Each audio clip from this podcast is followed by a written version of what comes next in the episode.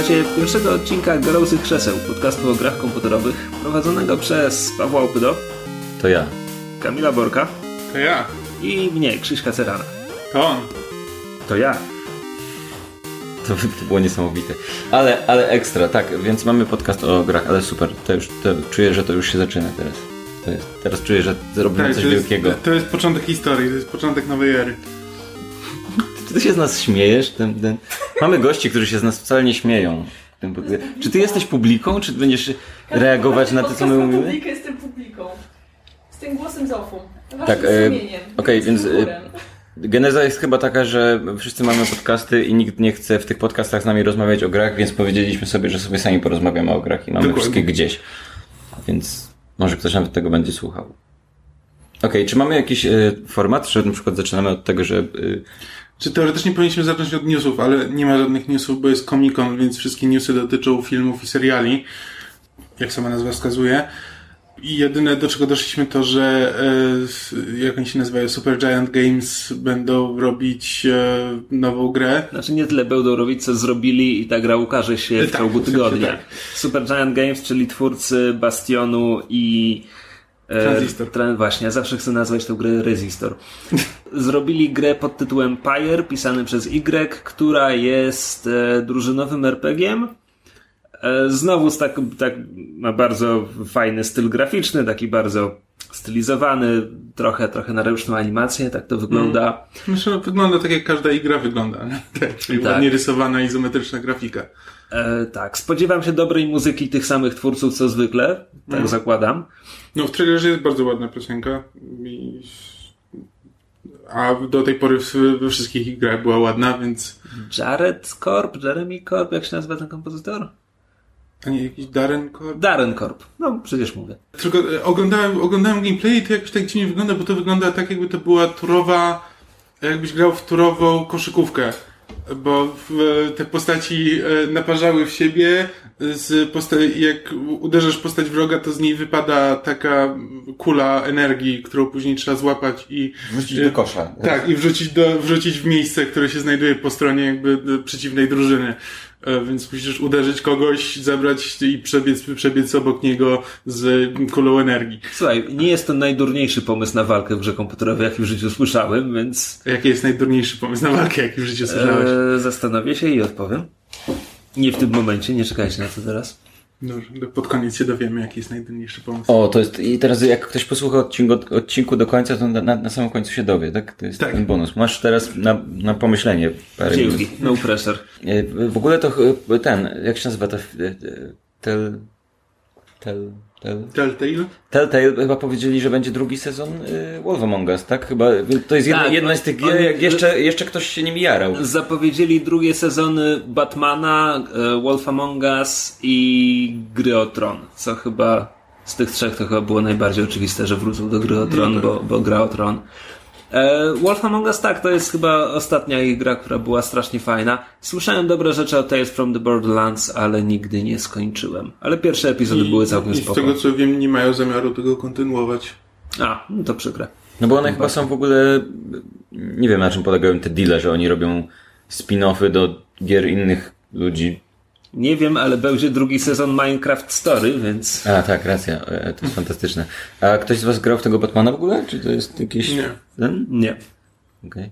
Ale nie, bo słyszeliście, że złe rzeczy o nim, czy, czy nie, bo już Wiesz macie co, dość? ja Nie, po... bo ja mam trochę dość. Ja po Walking Deadach grałem, czy przynajmniej zaczynałem grać w każdą kolejną ich grę i ta formuła po prostu mi się znudziła. Jeszcze w Wolf Among Us było tam jakieś... Wolf Among Us był po prostu bardzo estetyczne. Tam ten ich komiksowy styl graficzny najbardziej pasował do... To nie, to nie była jedna z trzech czy czterech gier na podstawie komiksów, ale jakoś tylko tam to naprawdę pasowało. A, a potem, a potem... Oni korzystają z jakiejś strasznie starej technologii. I właśnie czytałem sobie o tym Batmanie, że, że to po prostu gra z stełka i kwacze i, i po prostu chcą, masz tam żeby- sceny akcji, tylko że oni kompletnie nie są w stanie tego przedstawić na tym, na tym silniku. No, oni koniecznie chcą to jeszcze wiesz, puszczać potem na iPady i na, ten, na Androida, więc to jest wszystko tak, wiesz, na, trzyma się na klej na starej technologii po to, żeby móc na jak największej ilości platform to potem wypuścić i to nie wychodzi tym grom na dobre. Bo może jakby mieli też jakiś nowy silnik, to może by też wpadli na jakieś nowe pomysły, jak z niego skorzystać. A skoro i takim pęka w szwach ta technologia, to nie bardzo jest tam miejsce, żeby jeszcze zrobić z nią coś nowego. Trzeba było nazwać ten podcast Zasłyszane Opinie. Zasłyszane Opinie podcast. Mnie tylko ciekawi to dlatego, że to jest chyba jedyna gra, w której można pograć jako Bruce bardziej, znaczy w dużej części powiedzmy, a nie tylko jako Batman, bo ja na przykład jak wyszedł open worldowy ten yy, jak się nazywa ten Batman Arkham Knight? Arkham Knight jest No, ostatni, trzecia tak? część Rockstar. E, ja jakby kompletnie byłem, nie, nie wiedziałem co to jest za gra, dostałem ją recenzencką kopię i i ja liczyłem na to, czy w mojej głowie było jakieś wyobra- wyobrażenie, hej, jak to jest open worldowe, no to może jak jest noc, to jesteś Batmanem, a jak jest dzień, to grasz Bruce'em. Jak grasz Bruce'em, to jeździsz drogim samochodem po mieście i, i nie wiem, rozwiązujesz zagadki, ewentualnie gdzieś tam tłuczesz się z ludźmi na ulicy, albo infiltrujesz coś i tak dalej. To było coś, co, w co ja bym bardzo chciał zagrać, bo chciałbym ten, ten dualizm tej postaci zobaczyć. W grach, w grach Rocksteady zawsze masz ewakuowanego tam, gdzie już są, na ulicach są tylko bandyci do bicia. Ale tak jak I teraz, jest o noc tym, cały czas i cały czas pada deszcz. tak jak teraz o tym powiedziałeś, to sobie pomyślałem, że e, to Rockstar powinien zrobić grę o Batmanie, bo oni potrafią zrobić miasto, które wygląda na żywe. Tak, tak. Więc by było fajne, gdybyś rzeczywiście mógł grać po prostu y, jako Bruce Wayne i wtedy jesteś incognito i dopiero jako Batman cię wszyscy bandyci zaczepiają, a tak to, to po prostu chodzisz po ulicach i y, patrzysz co się dzieje. Nie wiem, możesz No tylko, że to musiałoby być dwie różne, y, bardzo różne gry, no bo co, to co robi Bruce Wayne jest kompletnie inne, tak? Jakby musiał być prawdopodobnie w tym momencie mieć bardziej RPG, gdzie chodzisz, rozmawiasz, ewentualnie To znaczy, to- gdyby to- zrobił to Rockstar, to byłby to re reskin do LA Noir. Znaczy, taki, znaczy ten pomysł by w ogóle lepiej pasował do, nie wiem, do jakiegoś Supermana, który mo może się jakby od tak po prostu zmieniać między Clarkiem Mhm. Kentem a, y, a Supermanem, bo z Batmanem no to gorzej, bo wtedy za każdym razem, kiedy byś chciał przejść między Bruce'em Wayne'em a Batmanem, to by musiał przylecieć jakiś, nie wiem, e, Batplane, e, zrzucić ci kostium.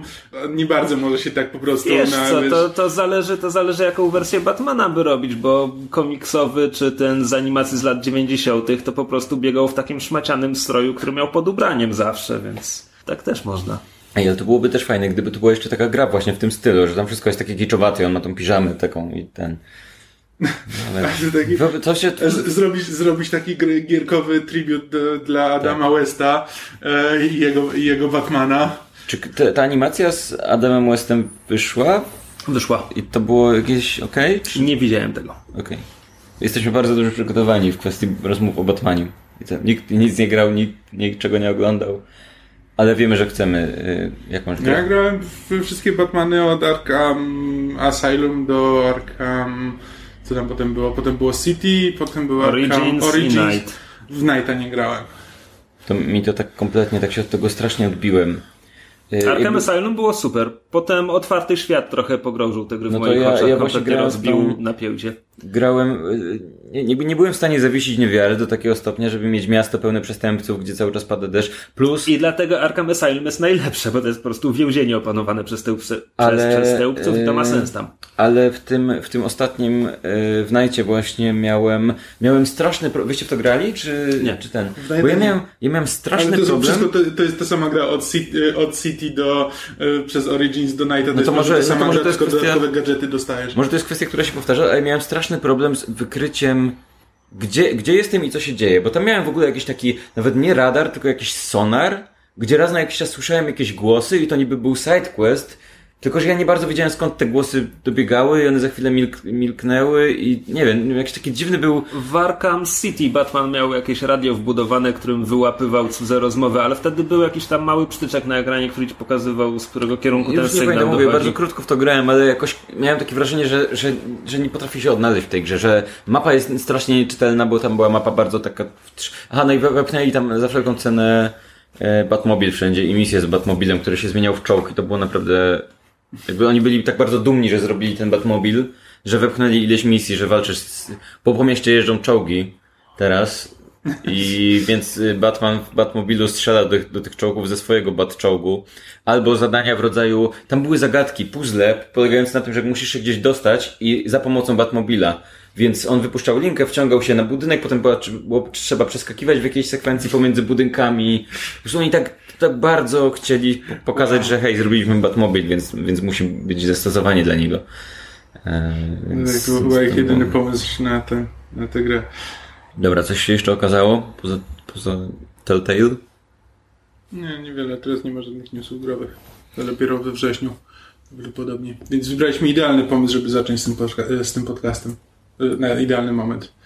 Okej, to, to co? y, To w co ostatnio graliście w takim razie? Kamil, w co ostatnio grałaś w takim razie? E, skończyłem Preya e, w studiu Arkane. Którego Preya? Nowego pierwszego Preya. E, Prey to jest w ogóle dziwna seria, bo był Prey, potem miał być Prey 2, który potem się okazało, że go nie będzie, więc potem miał być po prostu znowu Prey, który nie ma nic wspólnego z poprzednimi Preyami, nie dzieje się w tym samym świecie, porusza zupełnie inne tematy, jest zupełnie inną grą, więc e, spoko. Powinni byli go nazwać System Shock 3, tyle że ktoś teraz robi System Shock 3. Dokładnie. Te, te, powinni go byli nazwać System Shock 3, bo to jest, to jest e, najwierniejsza adaptacja System Shocków, jaka była. Znaczy zdecydowanie wierniejsza od, e, od Bioshocka. A jeśli ktoś nigdy nie słyszał o System Shocku, to żeby cokolwiek Dobra, to jest- mówiło, To jest tak, zasadniczo y, gramy z y, cichym bohaterem, choć słyszymy jego głos, bo w grze są y, roboty, które, które mają osobowość y, swoich stwórców, znaczy, więc y, słyszymy naszego bohatera, ale za każdym razem, kiedy słyszymy bohatera, to widzimy go na nagraniach, słyszymy go jako głos właśnie z robota, który stworzył, ale nigdy, ale praktycznie nasz bohater nigdy się nie odzywa, nie licząc na, nie licząc na początku. bądź bohaterka. E, A tak, bądź bohaterka, bo zapomniałem, że można, tak, na początku można wybrać, czy się gra mężczyzną, czy kobietą. Czy się gra Morganem Yu, czy Morgan Yu? I jest nagle napad na, e, atak na e, stację kosmiczną, na której się znajdujemy i na której dzieje się cała gra. Atakują ją kosmici, to jest n- nazywani w grze tajfonami. iPhone'ami? tajfonami. I, na, I tajfony mają różne moce. Jedną z podstawowych to są tak zwane mimiki, które mogą się zmienić w każdy przedmiot w otoczeniu. E, I cała gra, gra to jest e, pierwszoosobowa, no, nazwijmy to strzelanką. Choć tam strzelanie jest zaskakująco, zaskakująco mało. No, Ale to zaraz wyjaśnię czemu. E, jakby podstaw, podstawowym, na samym początku jakby masz po prostu poczucie paranoi, bo wszystko, co cię otacza, może się okazać e, wrogiem. Więc na początku, jak znajdujesz po raz pierwszy klucz francuski, to podbiegasz do każdego, e, do każdego mebla. Jakby te tajfony, te mimiki zmieniają się w przedmioty, więc jak tylko widzisz gdzieś dwa przedmioty takie same, to natychmiast podbiegasz do nich i walisz w nie łomem, żeby sprawdzić, czy któryś z nich nie jest przypadkiem e, z ukrywającym się kosmitą. A, a ponieważ potrafią ci zrobić duże kuku, no to, to dostajesz kompletnej paranoi i cały czas po prostu biegasz po pomieszczeniach i walisz, walisz w meble, żeby się upewnić, że nikogo tam, nikogo tam nie ma. Cała gra zajmuje, o, jeśli chcesz e, większość e, sidequestów zrobić, zajmuje około 20 godzin mm, z hakiem. E, I pierwsze, pierwsze kilka godzin to jest praktycznie rzecz biorąc survival horror, bo masz bardzo małe możliwości walki, no bo masz tam łom, masz, y, dostajesz tam jakąś, znajdujesz jakąś broń, e, ale na przykład pierwsza broń nie, nie zadaje obrażeń, tylko pozwala ci sk- skleić przeciwników. To jest tak gun, glue pisane przez GLOO, którym możesz po prostu zatrzymać, zatrzymać przeciwników. Po to, żeby cię, żeby cię nie mogli ścigać, no możesz wtedy do nich podbiec i zacząć uderzać łomem, ale wtedy oni się e, wyrwą z tego i zaczną cię znowu bić. E, więc tak cały czas, cały czas tylko się skradasz i próbujesz unikać wrogów, albo właśnie podbiegasz i próbujesz ich zaciukać, zanim, zanim zdążą na ciebie wyskoczyć z jakiejś puszki coli, które, które nie zauważyłeś, że leży, leży obok i nagle na ciebie wy, wyskoczył potwór. Jeśli ktoś grał w System Shocka, to jakby to będzie właśnie e, kojarzył jakby to poczucie, bo właśnie System Shock jest tak zbudowany, że e, tam jest, jesteś na stacji kosmicznej, wydarzyło się coś bardzo złego, no i próbujesz się zorientować, co się właściwie dzieje, z czego to się wzięło, kto zawinił e, i tak dalej. Jakby w tej grze próbujesz się cały czas dowiedzieć właściwie, kto przeprowadzał te eksperymenty, a ponieważ jesteś jakby jednym z głównych e, prowadzących tę stację kosmiczną, no to dosyć szybko się okazuje, że jakby byłeś w to zamieszany, ale nic nie pamiętasz, bo, e, bo cała stacja, bo stacja zajmuje się e, badaniami nad neuromodami. A neuromody to jest jakby główna mechanika gry, czyli e, przedmioty, w takie strzykawki, które wstrzykujesz sobie w oko i dają ci, e, dają ci dodatkowe moce. E, Znaczy na szczęście to tylko za, za pierwszym razem, jak znajdujesz pierwszy neuromod, to strzykasz nim sobie w oko e, i tak, te, te, ta scena jest dosyć obrzydliwa. A następne co, ładują się bezprzewodowo? Znaczy nie, po prostu nie, gra ci tego nie pokazuje, po prostu wchodzisz do meni, wybierasz, że teraz chcesz mieć taką i taką moc, e, już jakby nie, nie widzisz tej animacji wstrzykiwania sobie tych neuromodów. E, po prostu zbierasz, e, zbierasz tam z okolic. E, I masz... Na początku masz, e, masz podzielone drzewko umiejętności na trzy, na trzy możliwości. To jest e, naukowiec, e, który na początku jakby tam niewiele może. Znaczy to głównie polega na tym, że medkity są bardziej, są zdecydowanie bardziej skuteczne, plus możesz hakować komputery.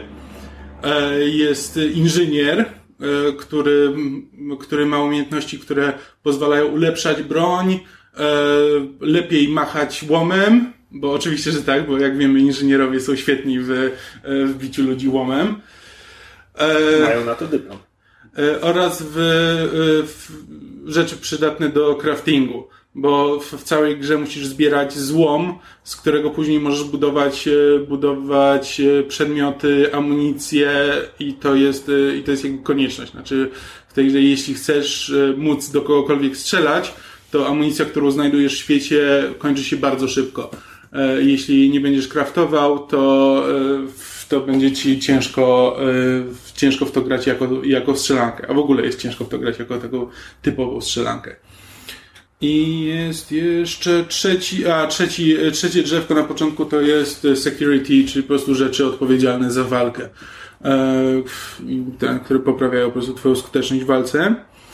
E, ale po, po paru godzinach dochodzi ci czwarte drzewko umiejętności, ponieważ e, ta stacja kosmiczna prowadziła eksperymenty nad neuromodami, które wykorzystują umiejętności właśnie tych tajfonów. Czyli możesz na przykład, e, i to ci się pojawia jako kolejne drzewko, w którym masz właśnie zdolności takie, jak że w którymś momencie możesz się sam zmieniać w dowolny przedmiot w otoczeniu. E, I możesz zmienić się w kubek i po prostu jako kubek e, się toczyć po, toczyć po bazie i e, patrzeć, co się dzieje. Istotne pytanie, czy możesz przejść całą grę jako kubek? E, nie, bo to wymaga energii psionicznej, która ci się będzie kończyła. I, i jakby, i to ci jakby, od, kiedy odblokowujesz to czwarte drzewko, no to, to ci odblokowuje wiele różnych możliwości. E, przy czym te możliwości trzeba też zresearchować. Więc za każdym razem, kiedy spotykasz nowego przeciwnika, to musisz odpalić e, taki specjalny hełm, który go skanuje i wtedy odblokowuje ci nową moc. E, I to mogą być różne rzeczy, właśnie możliwość przyzywania e, wrogów, którzy walczą za ciebie, albo kontroli umysłów, żeby wrogowie walczyli dla ciebie, różnego rodzaju nawalanie energią czy z ogniem i tak dalej. I ta gra ma na przykład z Bioshockiem. Jeśli ktoś grał w Bioshocka, no to ma tyle wspólnego, że e, wszystko, jeśli chcesz z czegokolwiek korzystać, to to jest głównie oparte na zarządzaniu zasobami. Znaczy masz ograniczone, e, masz ograniczone zasoby właśnie amunicji, więc jeśli chcesz strzelać, no to musisz ciągle zbierać, musisz bardzo oszczędzać, musisz naprawdę uważać na to, żeby każdy twój strzał trafiał i to trafiał jak najlepiej. Jeśli chcesz, y, y, musisz uważać na to, żeby nie dostać za dużo obrażeń, bo ilość y, apteczek jest ograniczona. Jakby tam masz, masz możliwość w niektórych punktach misji na po prostu się uleczyć do pełna, ale jest tych punktów bardzo mało, więc, więc za każdym razem musisz uważać na to, żeby właśnie nie zużywać, nie zużywać za dużo zdrowia. E, Musisz, jeśli chcesz używać mocy, to one kosztują właśnie energię psioniczną, która też się nie odnawia, e, tylko musisz, e, musisz sobie, musisz brać zastrzyki, które też są ograniczone. To jest bardzo, to jest bardzo fajny mechanizm, bo jakby to, to zarządzanie zasobami jest fajnie, jest dobrze zaplanowane, ponieważ zmusza cię do tego, żeby próbować różnych taktyk w trakcie gry.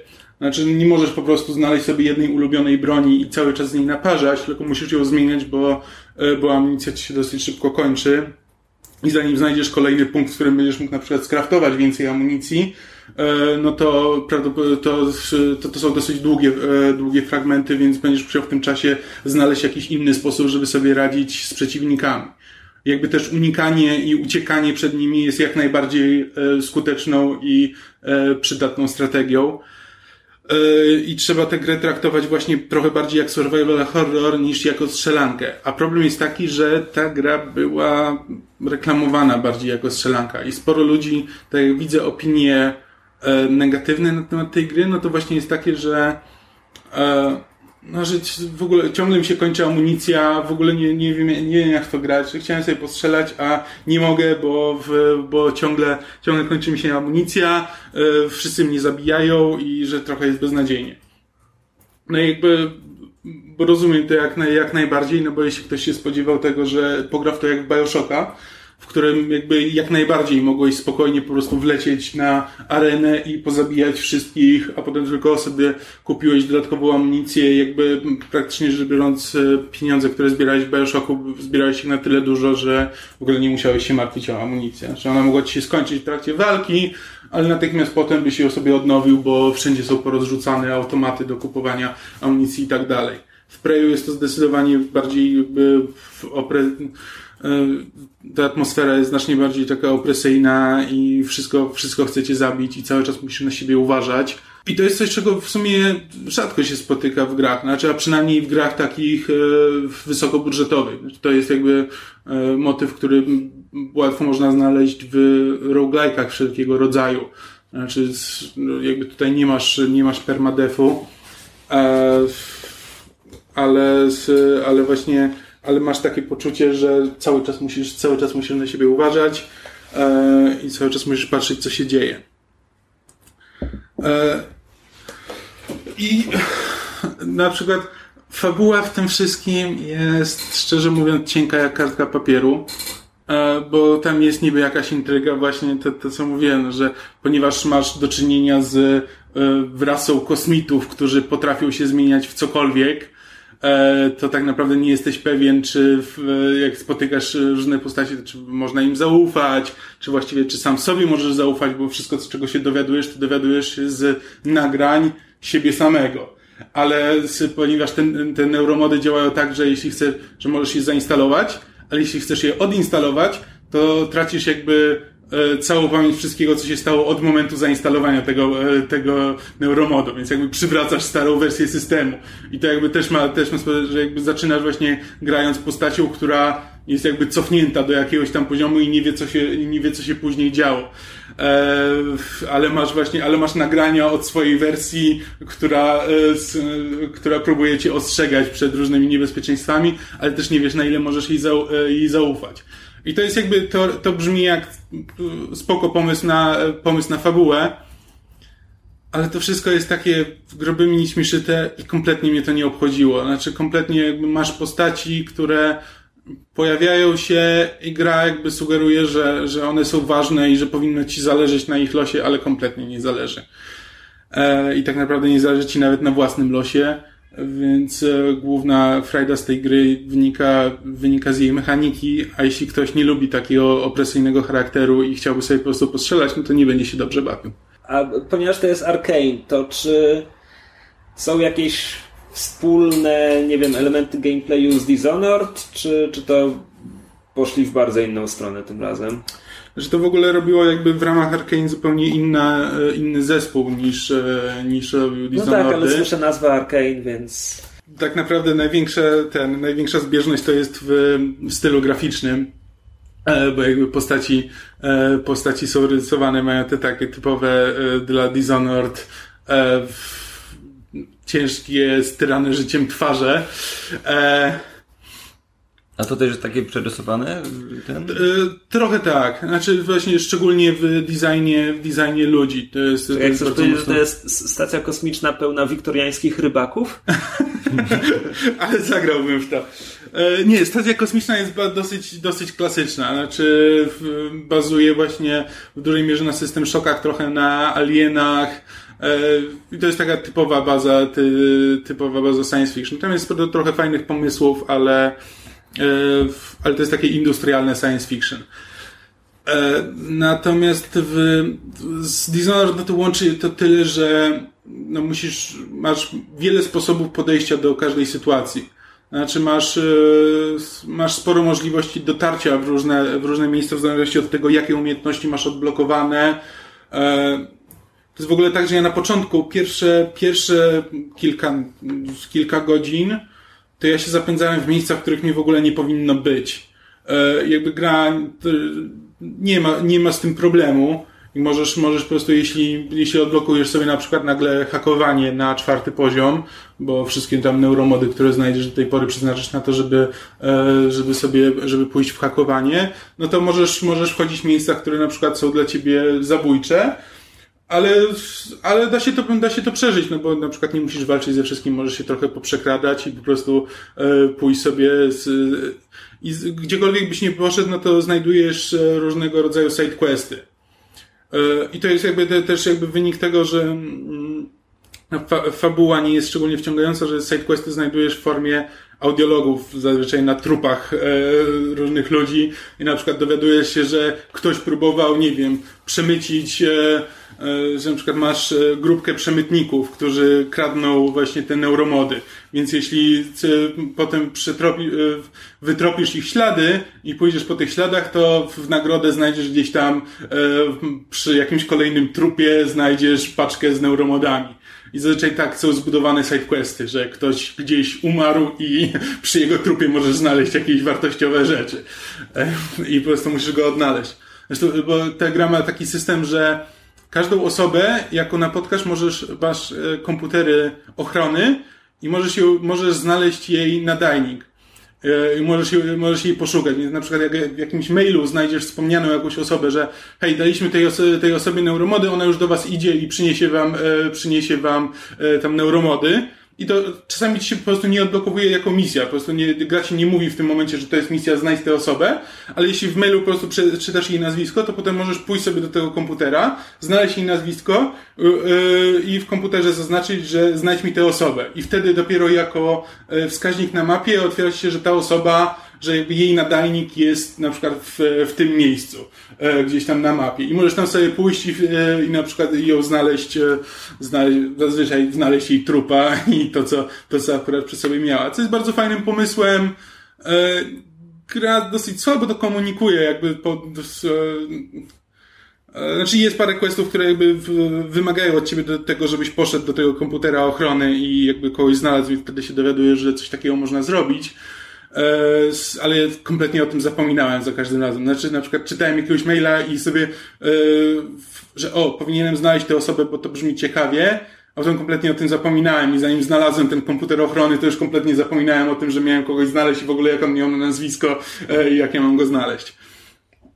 I to ma właśnie takie fajne pomysły, które nie do końca czasami, nie do końca czasami są wykorzystane.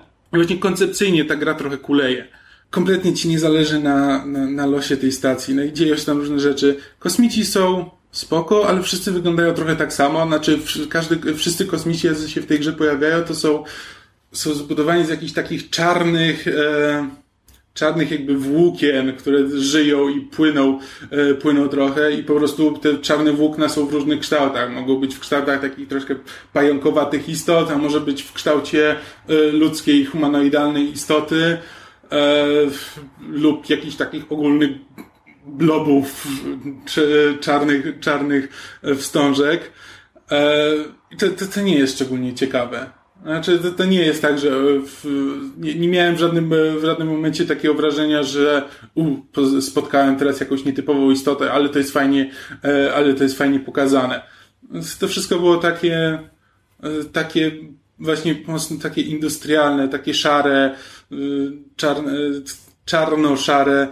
Y, I w żadnym momencie ta gra na mnie nie zrobiła takiego wow, że to, to jest, y, że jestem po prostu pod wrażeniem tego, jak ta gra została, została zaprojektowana. Dobra, chciałem się na koniec spytać, czy wolisz Dishonored czy Preya, ale chyba o Dishonored jak zawsze mówisz z większym entuzjazmem. Nie, zdecydowanie mówię z większym entuzjazmem. Jakby Dishonored daje, daje dużo większe możliwości. Znaczy, ja bardzo doceniam Preya, tylko że doceniam Preya zdecydowanie bardziej intelektualnie niż emocjonalnie. Bardzo mi się fajnie w tę grę grało yy, i byłem pod dużym wrażeniem właśnie jak ona jest, jak ona jest zbudowana, to, że, to, to jakie możliwości ci daje i jak możesz je wykorzystać.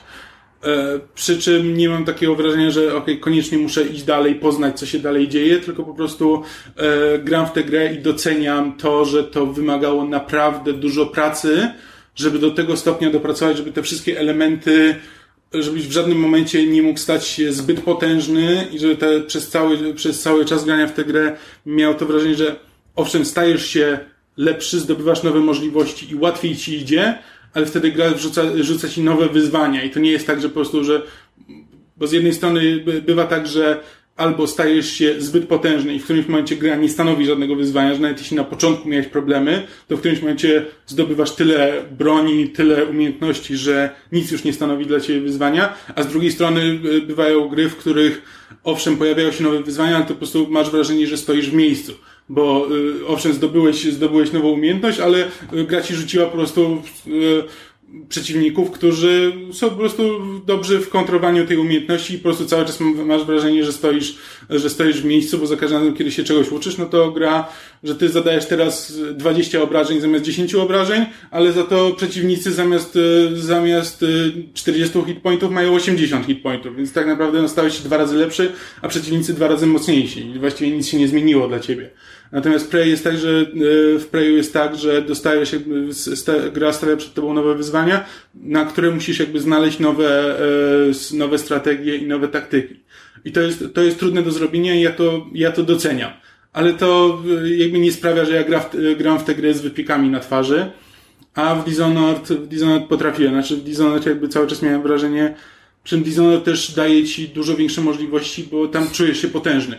Tam tak naprawdę w- to jest tylko kwestia tego, w jaki sposób zabijesz tych 10 strażników, których e, musisz znaleźć ten sposób, e, ale nigdy nie miałeś takiego, o kurde, tam jest 10 strażników, ja nie wiem, czy ja to w ogóle będę w stanie przeżyć. To jest tylko kwestia tego, jakie, kompletnie, ja- jakie konkretnie rozwiązanie znaleźć, to jest bardziej puzzle i musisz znaleźć na to rozwiązanie, e, niż Preju, gdzie jakby każdy, wiesz, e, każde większa, większe zgrupowanie e, przeciwników e, jest dla ciebie, jest dla ciebie zabójcze.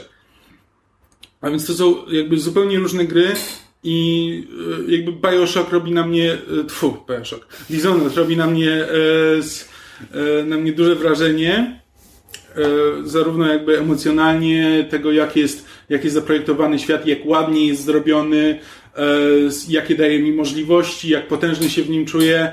Natomiast Preya doceniam bardziej jako mechaniczne rozwiązania, które, nad, nad którymi ktoś poświęcił dużo czasu, żeby je rozwiązać, ale właśnie nie budzi we mnie e, wielu, e, wielu emocji.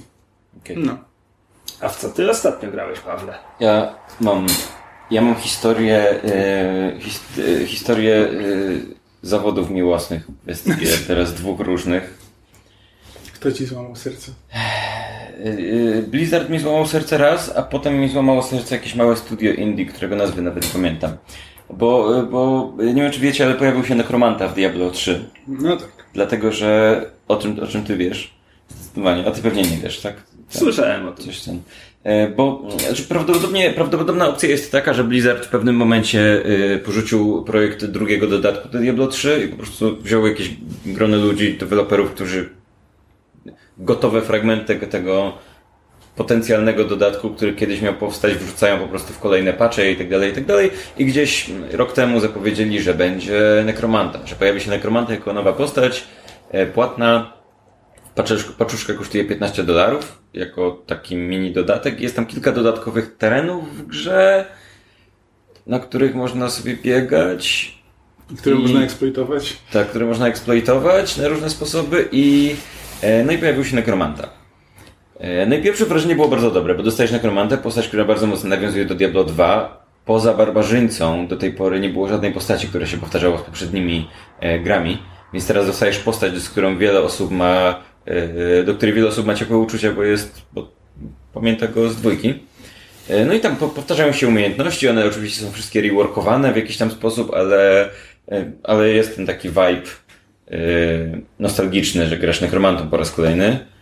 E, No tylko, że w pewnym momencie zaczęły się pojawiać problemy, bo okazało się, że Necromanta był wcześniej te, testowany na e, serwerze testowym, na tym, na, jak się nazywają te serwery, Open, coś, Test Realm, coś takiego, więc był dostępny wcześniej do testów, w wersji alfa i potem się okazało, czy jakieś beta i potem się okazało, że wersja ostateczna, za którą ludzie już płacili, to była dokładnie ta sama, która była e, która była te, jako testowa. W sensie Blizzard miał tam miesiąc i nic nie poprawili. I okazało się, że pod koniec, e, znaczy w pewnym momencie okazało się, że jest bardzo dużo bugów.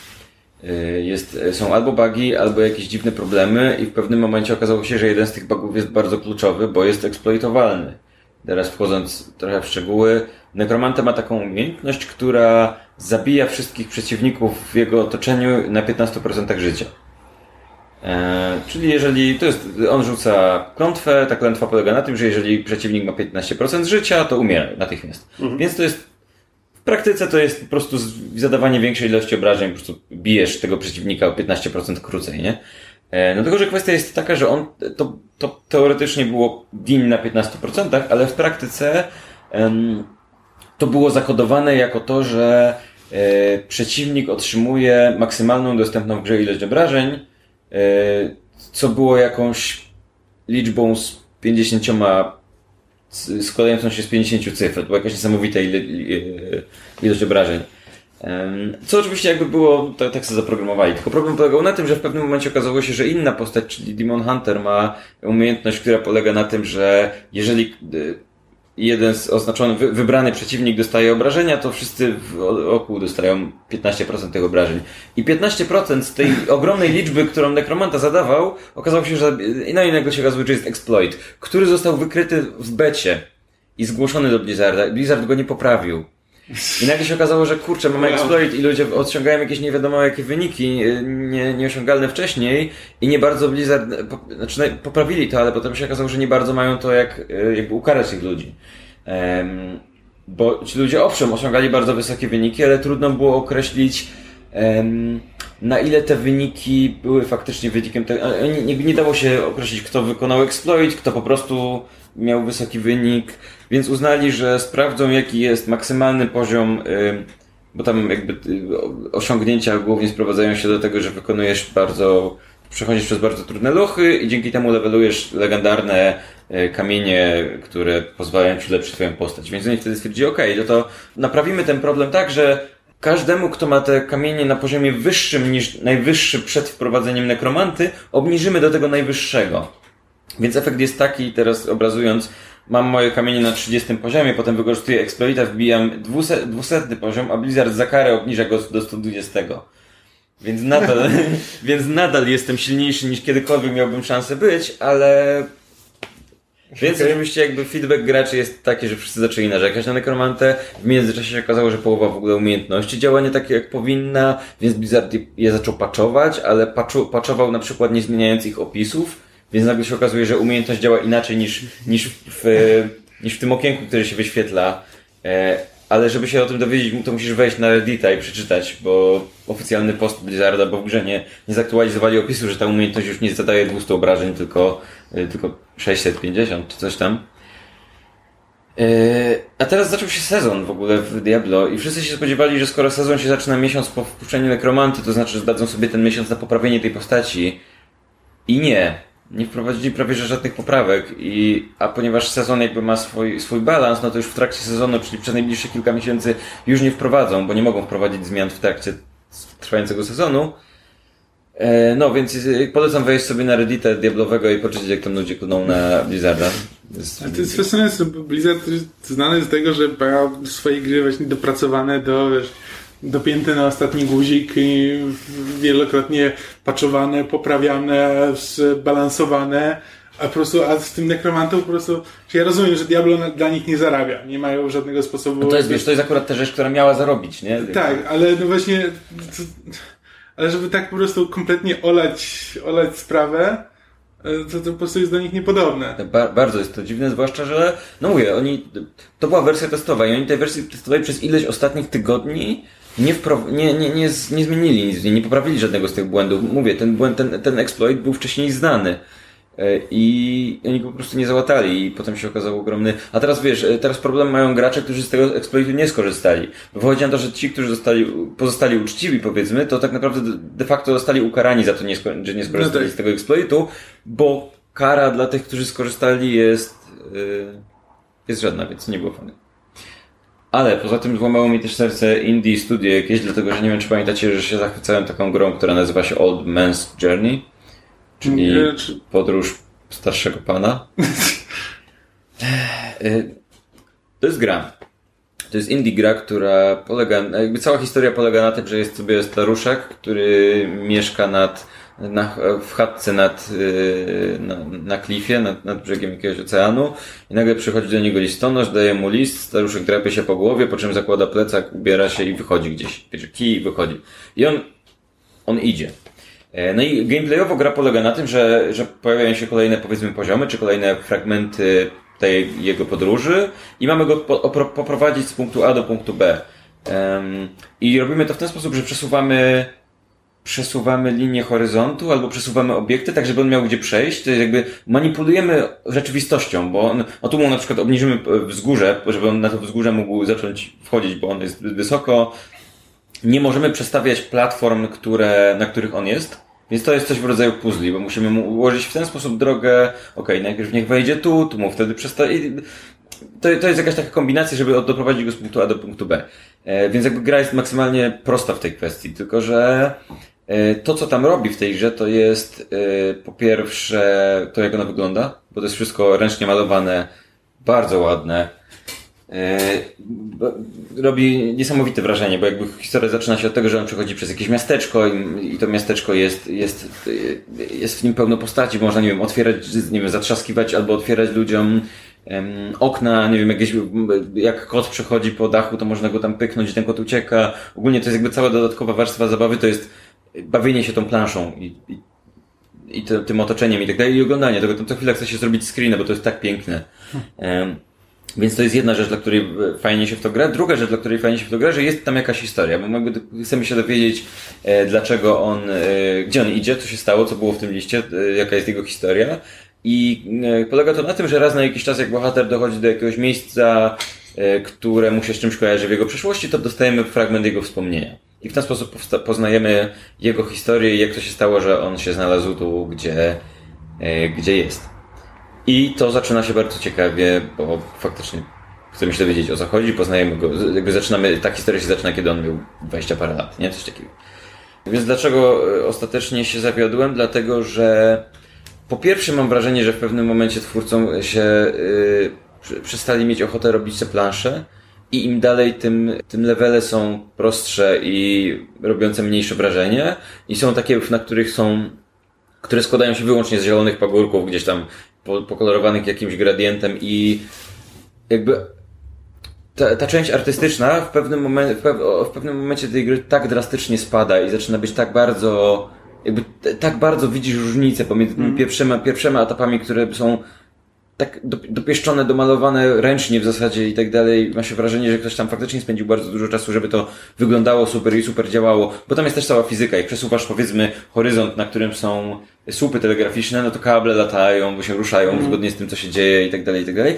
Ale potem to zaczyna być zaczyna robić znacznie mniejsze wrażenie. Jakby gdzieś komuś się skończył budżet na, na dopieszczanie tych plansz, to raz. A dwa jest, dwa, e, dwa to jest to, że gdzieś tak w połowie gry zaczyna do ciebie dochodzić, na czym ta historia polega i do czego ona dąży. I wtedy za- zaczynasz mieć tylko, tylko i wyłącznie moim wrażeniem było to, że obym nie miał racji, bo jeżeli tak, to jest to najbardziej oczywista historia, jaka może się. Yy, jaka, I to jest ta historia. Jakby nie chcę tutaj wchodzić w spoilery, ale to jest najbardziej oklepane i oczywista rzecz i bez, bez większej ilości wniosków, bo, bo gra przedstawia bohaterkę jako kogoś, kto popełnił wiele błędów w życiu i to nie błędów, że zrobił coś, naprawdę zrobił, zrobił krzywdę kilku osobom. E, I, i, ma, I jakby przez, do pewnego momentu zaczynam, cieka, ciekawe co z tego wyjdzie, jakby jakie będą konsekwencje tego, co się dalej stanie. Po czym się okazuje, że to nie ma konsekwencji, jakby cała historia polega na tym, że on po prostu wraca do ludzi, których wcześniej skrzywdził, porzucił, zostawił i, i, i mówi hej, no wróciłem.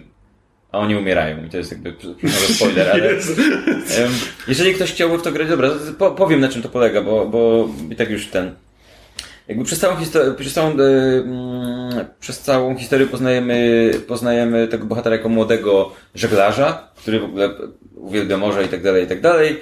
E, Poznaje jakąś kobietę, zakochuje się w niej, potem poznajemy historię miłości, poznajemy, e, znaczy ona rodzi dziecko, biorą śluby, ona, ona rodzi córkę, ale je, on tęskni za morzem, więc je zostawia. E, Zostawia je, wyrusza w podróż dookoła świata. Jak wr- wraca z tej podróży, to już ich nie ma. E, I faktycznie zachował się jak straszny bus ten bohater i w tym momencie zaczyna ci- do ciebie docierać, aha, czyli ta jego ukochana pewnie umiera.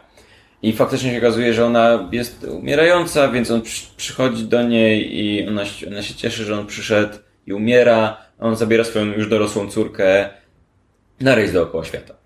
Z jej chyba dzieckiem, czyli wnukiem. Co jest... I jakby w pewnym momencie oczekiwałem, że jednak cała ta historia bohatera, który jednak po prostu no, no porzucił swoją rodzinę, no, no jest, i małe, małą córkę i tak dalej, że to będzie miało jakieś konsekwencje, że coś z tego wyniknie, że to będzie jakaś tak? historia, która... Ale nie, no, o, o, hej, wróciłem. Nie? Jakby to, to, jest, to jest historia z tego serialu z Tomaszem Karolakiem. To jest... Okej, to, to, to jest referenc, którego ja nie łapię. To, to, to bardzo dobrze. Jest serial z Tomaszem Karolakiem, który polega na tym, że Tomasz Karolak porzuca swoją młodą żonę, po czym do niej wraca po 20 latach, bo ma kryzys wieku średniego i uznaje, że chce powrócić, po- poprawić swoje życie. Po prostu wraca do domu i mówi, okej, teraz już będę... No to nieważne, okej. nieważne. Jest, jest Okej. takie coś. Y, y, Romantyczne. tak. to jest TVN Cinematic Universe się. Więc, więc mówię, więc jakby ta historia mnie bardzo zawiodła, bo oczekiwałem, że tam, że coś, okej, ta historia do czegoś prowadzi, po, po czym w pewnym momencie oriento- zorientowałem się, że tam nie ma ciekawego pomysłu, że to jest najprostsza historia jaka jest i te, to takie pokazywanie jej kawałeczek po kawałeczku, to jest obiecywanie czegoś więcej niż to jest, plus, tak jak mówię, e, część artystyczna bardzo, bardzo spada z czasem, tak jakby ta To gra była. brzmi tak, jakby wiedzieli, że ludzie nie kończą gier, więc zrobią fajny początek, żeby ludzie potem mówili, wow, jakie to jest fajne i kolejni ludzie kupowali wszystkie grę. sceny z, ze z trailerów i z, i z pokazówek są, pochodzą z, tych z tych początkowych Mhm, scen gry. jasne. E, To tak w ogóle, ta gra w ogóle dostała jakieś pieniądze na jakimś Kickstarterze, czy Indiegogo, czy czymś takim.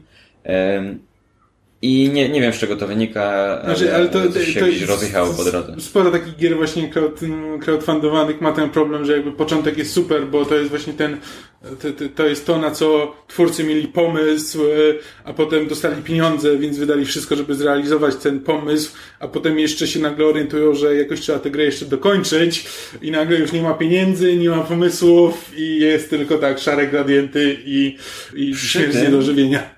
Przy tym ta gra kosztuje 5 dolarów. Więc, ym, więc mimo wszystko, jeżeli ktoś by wszedł sobie, ja, ja w nią grałem na iPadzie, ale ona jest też w, w, na Steamie na wszystkie możliwe rzeczy. Jak, jeżeli wejdziecie na Steama i zobaczycie sobie i stwierdzicie, ok, to ładnie wygląda, e, i nie nakręcicie się za bardzo, że ta gra ma coś więcej do powiedzenia, to, to myślę, że te 5 dolarów To, to, to za, te, za te 5 dolarów ile czasu możesz spędzić z tą grą, dopóki ona jest ładna i interesująca? Ehm, no, to- no to jest gra na kilka godzin, nie? To jest gra, którą pewnie przejdziesz w 5 godzin. I, Jasne. y, więc podejrzewam, że, pie, że połowa z tego to jest. Nawet nie wiem, czy te 5 godzin, pewnie jakbym przesiadł to. Bo to, to, to jest taka gra, w którą ja grałem, jak, i- jak y, chciałem sobie zrobić przerwę w pracy, to odpalałem i sobie. Bo ona ma takie fajnie. Tam jest bardzo ładna, ładna muzyka. To jest takie relaksujące bardzo mocno. Idzie ten staruszek z tym kijem, przechodzi przez te. przez te miasteczka, jakby to jest takie bardzo relaksujące, uspokajające, tylko w pewnym momencie, mówię, zaczyna być... E, mi dawało radość samo oglądanie tego, oglądanie tego, jak to wygląda, jak on sobie idzie, jak tam przesuwam mu te kreseczki, tam nie ma, nic nie jest na czas, wszystko jest takie bardzo sympatyczne i, i lekkie, ale w pewnym momencie, więc nawet mi trudno powiedzieć, ile, ile, ile, jak długo w to grałem, nie? Em, ale jest jeszcze jedna rzecz, y, o której bardzo szybko, bo znowu to jest rzecz, która mnie nie zawiodła, tylko muszę sobie przypomnieć. Gra, która się nazywa Space Marshals. I to jest. y, Słyszę, słyszę. y, to jest gra, któ- w którą ja grałem. Ja nie, nie wiem na jakiej platformie ona jest dostępna. Znów grałem do nią na iPadzie. Wspiera pada. Pada do iPada. Więc skoro wspiera pada, to podejrzewam, że można ją też dostać na komputery. Ale i to jest gra, która opowiada o kowbojach w kosmosie. Czyli jest, jest to klimatycznie bardzo zbliżone do do Firefly? Firefly. I, I ta gra to jest izometryczny, trójwymiarowy, izometryczna trójwymiarowa strzelanka slash skradanka. Um, Czy jeszcze jak to się nazywa? Space Marshals 2. Space Marshals. Dwa w dodatku, okej. Nie, tak, to jest, to jest izom, izometryczna trójwymiarowa skradanko strzelanka, która polega... em, ma, mamy jakąś tam planszę, trochę wygląda to jak e, Commandos, e, tylko w, była część Commandos w 3D któraś, czy nie? No, e, jak się nazywa ta gra, w którą ty, to, którą ty tak Shadow? Tactics, Shadow Blades of Tactics. the Shogun. E, Tak, to jest fantastyczny tytuł. Najbardziej do zapomnienia. Em, to jest, to jest troszkę w tym, w tym kierunku, w sensie dostajemy em, tylko na znacznie mniejszą skalę. Dostajemy planszę, którą widzimy od początku, jest tam ileś, mamy dostać się z punktu A do punktu B prawdopodobnie, gdzieś tam coś, z, kogoś pokonać, zabić, prze, przejść, znaleźć ewentualnie jakieś bonusowe rzeczy, które są na tej planszy. E, możemy to zrobić skradając się po niej, e, no i klasycznie e, przeciwnicy mają obszar widzenia, no, możemy się do nich zakradać i ich, ich pokonywać po cichu, albo po prostu się gdzieś tam przepchnąć między nimi. Mamy drużynę bohaterów, ale gramy z jednym z reguły w trakcie misji, chyba że gdzieś później ich, ich jest coraz więcej. Fajny jest klimat tej gry, bo to są faktycznie bezwstydni kowboje w kosmosie, gdzie na, mają statek kosmiczny. To jest jakby, to jest trochę z Firefly, bo oni mają też swój statek kosmiczny, którym latają. E, I to jest, to są, to są cybernetyczni przez kowboje i, i, cy, i cybernetyczni kono, koniokrady ten, z, z laserowymi. To jest pomieszanie z poplątaniem. Gra jest bardzo przerysowana, w sensie wszystko tam jest bardzo duże, bardzo małe. Czy To jest takie... cybernetyczni złodzieje koni, czy złodzieje cybernetycznych koni? Myślę, że konie też mogą być cybernetyczne. Okej. Ale to jest, To mnie to jest krok dalej niż Firefly, nie? Bo Firefly to było, miało stylistykę westernu, ale nie, ale nie wymagało takiego zawieszenia niewiary. To jest alternatywny świat, gdzie kowboje są tysiąc lat do przodu, dalej istnieją, nie? A mówię, wszystko jest takie, to wszystko jest przerysowane, ym, no jak, jak postać jest duża, no to jest, ma, jest ma trzy głowy wyższe od każdej innej i ma ogromne mięśnie, jak postać jest drobna, to jest super chuda. Y, To, jak się nazywa? Ym, Borderlands, tak? To jest troszkę w kierunku Borderlands y, klimatem. Y, Bardzo sympatycznie się w to gra. To jest też taka gra, gdzie odpalasz, przechodzisz jedną planszę, mm, trochę strzelając, trochę się zakradając. E, też jest mało indie gra, która pewnie kosztuje z 5 dolców, może 9, więc, więc do takiego grania raz na jakiś czas jest bardzo przyjemna i ma bardzo sympatyczny klimat. Jest tam jakaś historia, która polega na tym, że bohaterom tam, nie wiem, kradną statek czy tam coś, ale to nie jest historia, którą, która jest mm, motorem napędowym tej gry. Po prostu bardzo przyjemnie się gra. Więc to, żeby nie, nie, nie tylko narzekać, to, to było miłe i, i podoba mi się. To jeśli nie narzekam na gry mobilne, to ja mogę bardzo szybko powiedzieć o grze roku, e, czyli grze Desert Golfing, która e, z, Chyba gra z zeszłego roku. e, być może, tak. E, używa, gra używa trzech kolorów. Wszystkie są odcieniami e, żółtego. Nie, cztery kolory, bo jeszcze jest biały. I to jest po prostu taki wydystylowany e, wydystylowana gra. Masz białą kuleczkę i masz e, teren zbudowany tylko i wyłącznie z linii prostych, e, pod różnymi kątami. Trochę wygląda tak, jakbyś miał e, wielki kanion po prostu zbudowany z, z linii prostych. No i przesuwasz palcem, żeby nadać piłeczce siłę i kierunek lotu. I próbujesz bić piłeczkę do, e, do dziury, która znajduje się po drugiej stronie ekranu gdzieś. E, a potem jak bijesz piłeczkę do dziury, to, e, to kamera przesuwa się trochę w prawo i dalej z tego miejsca bijesz dalej do kolejnej dziury. I, i, to jest, I to jest cała gra. I tak naprawdę masz na ekranie tylko widzisz, przy którym jesteś dołku, ile, ile do tej pory na tym dołku uderzeń y, z- wykonałeś i ile wykonałeś uderzeń w sumie w całej grze. I to są jedyne jakby statystyki, które gra, y, które gra prowadzi. Nie ma tam żadnych obiektywów, które musisz wykonać.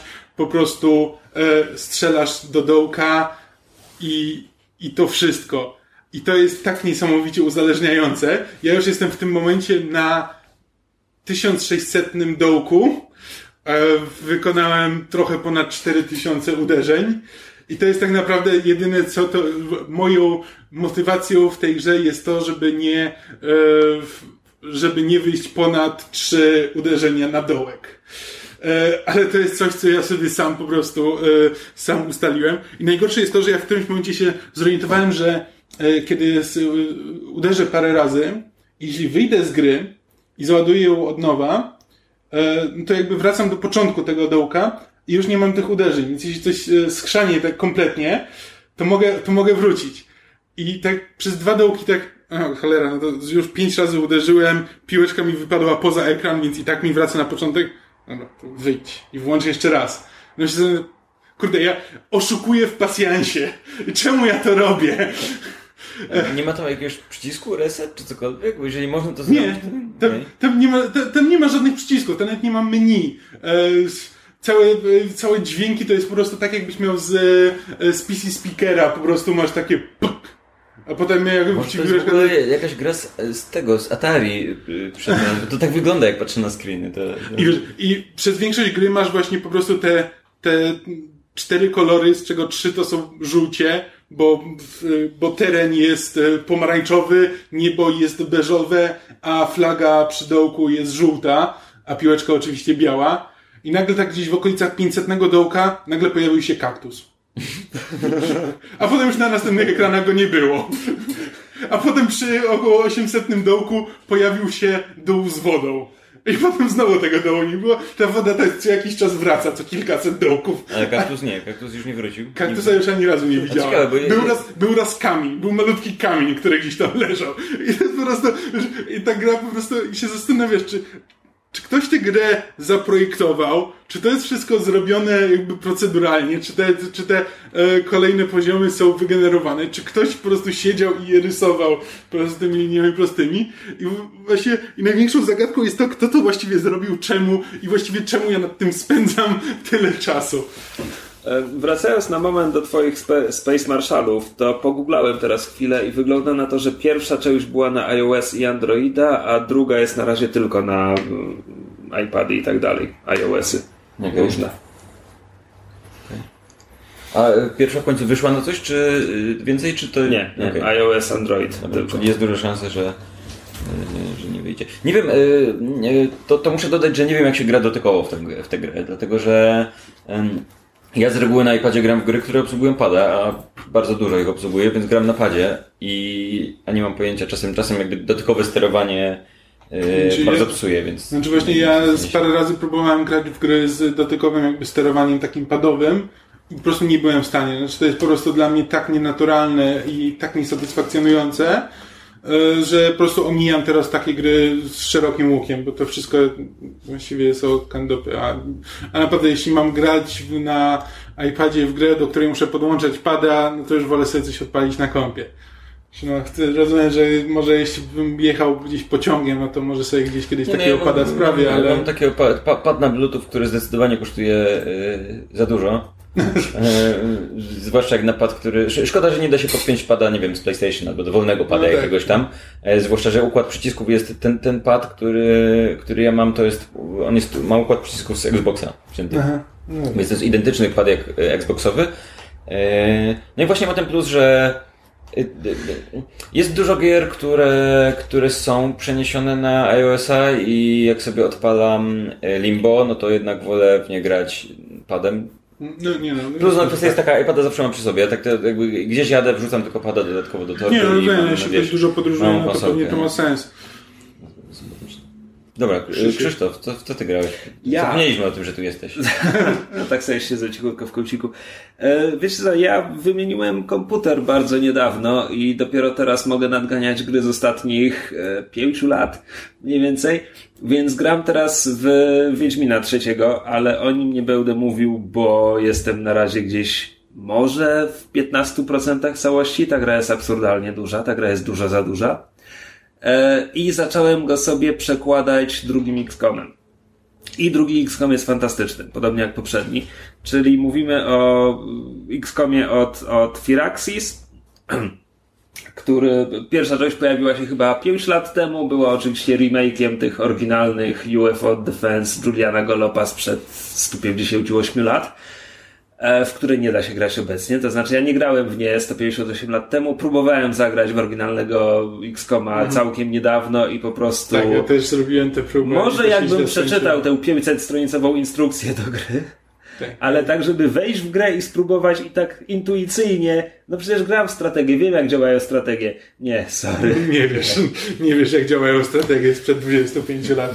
Tak, więc, więc remake był, e, remake był świetny, grałem w niego chyba z pięć razy, e, ukończyłem z sukcesem pewnie ze trzy. A ta druga część ukazała się dwa lata temu i okazało się, że kanonicznym zakończeniem pierwszej części były te, te dwa czy trzy razy, kiedy przerżnąłem tę grę, bo, bo w XCOMie drugim okazuje się, że gracz grający w poprzednią część się zawiódł i Ziemia od 20 lat jest pod panowaniem kosmitów.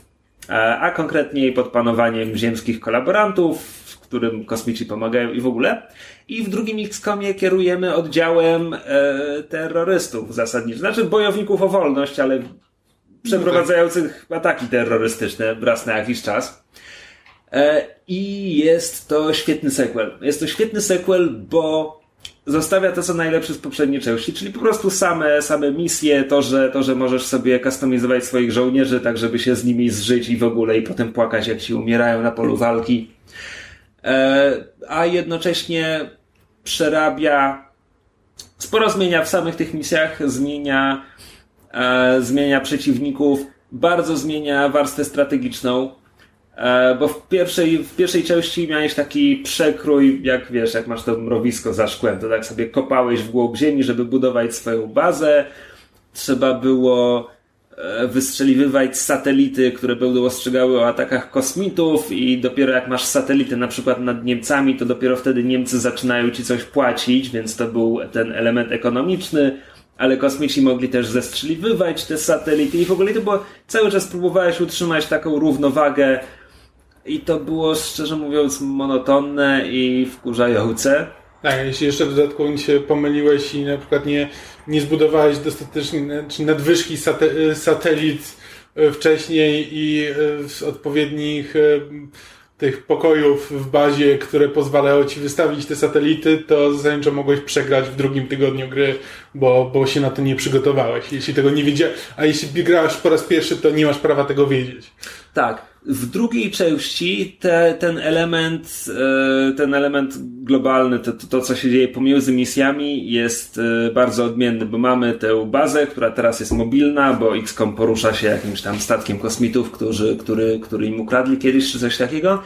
Zamiast wysyłania satelitów, tak żeby pokrywały coraz więcej powierzchni Ziemi, tutaj nawiązujemy kontakt z lokalnymi komórkami ruchu oporu, więc masz ruch oporu w Indiach, ruch oporu w Australii i tak dalej I tak to też zwiększa Twoje przychody miesięczne, ale przede wszystkim to w ogóle pozwala Ci operować w tych częściach świata. W sensie, jak nie masz kontaktu z lokalnym ruchem oporu, to po prostu nie polecisz do Australii, żeby tam coś robić. A musisz latać po świecie, bo tak jak w pierwszej części musiałeś utrzymywać równowagę między tym, że musisz mieć te satelity wszędzie i jak ci zestrzelą satelitę, to musisz wpuścić nowego, a jeszcze tam było 16 państw, które robiły zrzutkę na XCOM i tam ludność panikowała, jeśli kosmici coś robili, więc trzeba było im przeszkadzać, ale kosmici zawsze robili coś naraz w trzech krajach, a ty mogłeś interweniować tylko w jednym, więc musiałeś e, utrzymywać Musiałeś interweniować tam, gdzie poziom paniki był największy, żeby to państwo nie spanikowało i się nie wycofało, e, nie wycofało z projektu.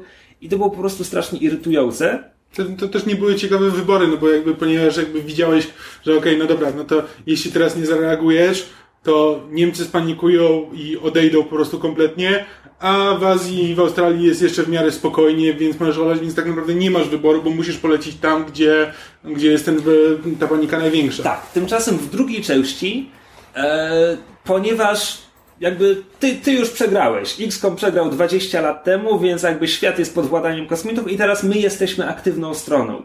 E, w większości misji to, to my jesteśmy grupą, która atakuje. Kosmici po prostu chodzą sobie po mieście, a to my atakujemy z zaskoczenia. E, a w warstwie strategicznej też jest ten element utrzymywania równowagi, tylko tutaj jest e, zupełnie inny. Tutaj kosmici coś robią. Jest coś, co się nazywa projekt Avatar i masz licznik, że projekt Avatar jest ukończony tam, nie wiem, 8 na 16 belek, czy coś takiego. I jak kosmici skończą ten projekt, no to coś się stanie, coś pierdyknie. Nie wiem, może to jest po prostu automatyczny game over, a może jakaś strasznie trudna misja, szczerze mówiąc nawet sam nie wiem jeszcze w tym momencie. E, masz pokazane na mapie, gdzie są jakieś obiekty kosmitów związane z tym projektem Avatar. Jeśli je zostawisz w spokoju, no to co miesiąc tam każda taka fabryka doda jedną belkę do progresu tego projektu. Ale jeśli nawiążesz kontakt z ruchem oporu, na przykład, nie wiem, w Indonezji, to, to będziesz mógł zaatakować tę fabrykę w Indonezji i ją zniszczyć. I po prostu wtedy e, raz, że im spowalniasz ten progres, dwa, chyba zniszczenie każdej takiej placówki też zabiera im belkę progresu. E, I tutaj ten element utrzymywania równowadze to jest, wiesz, kiedy decydujesz, e, że okej, no muszę już zatrzymać ten projekt Avatar, muszę go trochę spowolnić, bo inaczej za moment przegram, a kiedy stwierdzasz, że e, nie no, mam jeszcze sporo czasu, to zrobię coś innego w tym czasie. E, a jednocześnie jest też ten element raz na jakiś czas, że kosmici robią trzy rzeczy, a ty możesz powstrzymać tylko jedną, tylko tym razem chodzi o to, że kosmici też mają swoje plany i raz w miesiącu realizują jakieś trzy poboczne projekty i masz powiedziane, że na przykład Brzmi jak korpo kosmitów. wiesz. Ale to, ale to trochę tak ten świat wygląda, no bo to są po prostu kosmici, którzy przejęli kontrolę nad światem, więc oni mają po prostu własny rząd, własne korporacje, no i tak jak, jak, w ogóle, jak w ogóle wyglądają kosmici w tej grze? Bo ja... Wiesz zaraz, zaraz do tego wrócę, tylko już chcę skończyć tę warstwę gry. Więc masz na przykład powiedziane trzy projekty kosmitów w tym czasie to. Jeden to, że tam przeprowadzą misję, gdzie oni atakują jakąś wioskę i ty musisz bronić. To są takie trudniejsze misje. Przeprowadzą ją dwa tygodnie szybciej. Chyba, że to powstrzymasz. Drugi, że przez miesiąc e, żołnierze e, kosmitów będą, będą bardziej opancerzeni. Chyba, że powstrzymasz akurat ten projekt. Trzeci to, że na przykład, nie wiem, dostaną gratisową jedną belkę postępu w projekcie Avatar. I możesz powstrzymać tylko jedną z tych trzech rzeczy. I, to jest e, ciekawa decyzja. Patrzysz sobie na to i myślisz sobie, okej, co mi bardziej utrudni życie przez następny miesiąc, no i powstrzymujesz to, co jest, to, co będzie najgorsze. E, więc tak w dużym uproszczeniu wygląda warstwa strategiczna w tej części, aczkolwiek pomimo tego, że ty teraz latasz takim wielkim, w zasadzie to wygląda jak Helicarrier z Avengers, e, to zachowali ten element przekroju przez mrowisko i zachowali ten element w poprzedniej grze wkopywałeś się w ziemię, żeby zrobić miejsce na nowe pomieszczenia. I w tej części też to robisz, tylko to jest wyjaśnione tym, że połowa tego helikariera jest zagra zagracona złomem kosmitów i trzeba go usuwać, zanim będziesz mógł coś wybudować w no. pomieszczeniu. Tak, musisz posprzątać. E, Natomiast w warstwie tej taktycznej, podczas samych misji, na które wysyłasz oddział, tam początkowo to są grupy czterech żołnierzy, tak szybko jak tylko się da, musisz sobie kupić upgrade, żeby wysyłać piątego, potem szóstego. Im więcej karabinów na misji, tym łatwiej.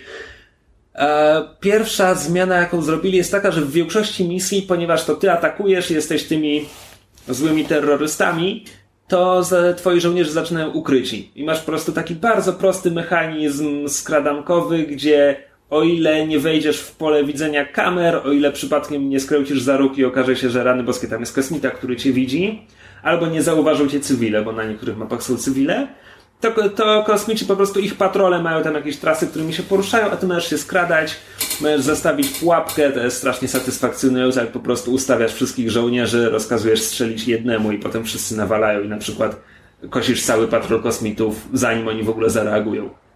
A sami kosmici, i to jest właśnie też bardzo, bardzo przerobione, podstawowym przeciwnikiem są ludzie, którzy mają tylko trochę kosmicznych genów. I oni chodzą zakuci w zbroję od stóp do głów, więc są po prostu takie ludzkie sylwetki w zbrojach i to jest mięso armatnie, które też jest podzielone na jakieś różne klasy i podgrupy i niektórzy z nich mają swoje specjalne umiejętności, ale jakby podstawowym przeciwnikiem są inni ludzie, co z jednej strony może brzmieć jako coś nudnego, ale z drugiej strony to sprawia, że kiedykolwiek na planszy pojawia się autentyczny kosmita, to już zaczynasz kombinować, że okej, to jest już coś, to jest już grubsza sprawa. Tak, no, te sektoidy, których wyżynałeś setki w pierwszej grze. Tak, są sektoidy to, to, był, to był podstawowy przeciwnik w pierwszej grze i to były takie małe, szare, po kurczę, takie typowe szaraczki. E, gdzie dopiero gdzieś tam w połowie gry pojawiały się, pojawiała się zupgrade'owana wersja, która miała jakieś umiejętności telepatyczne.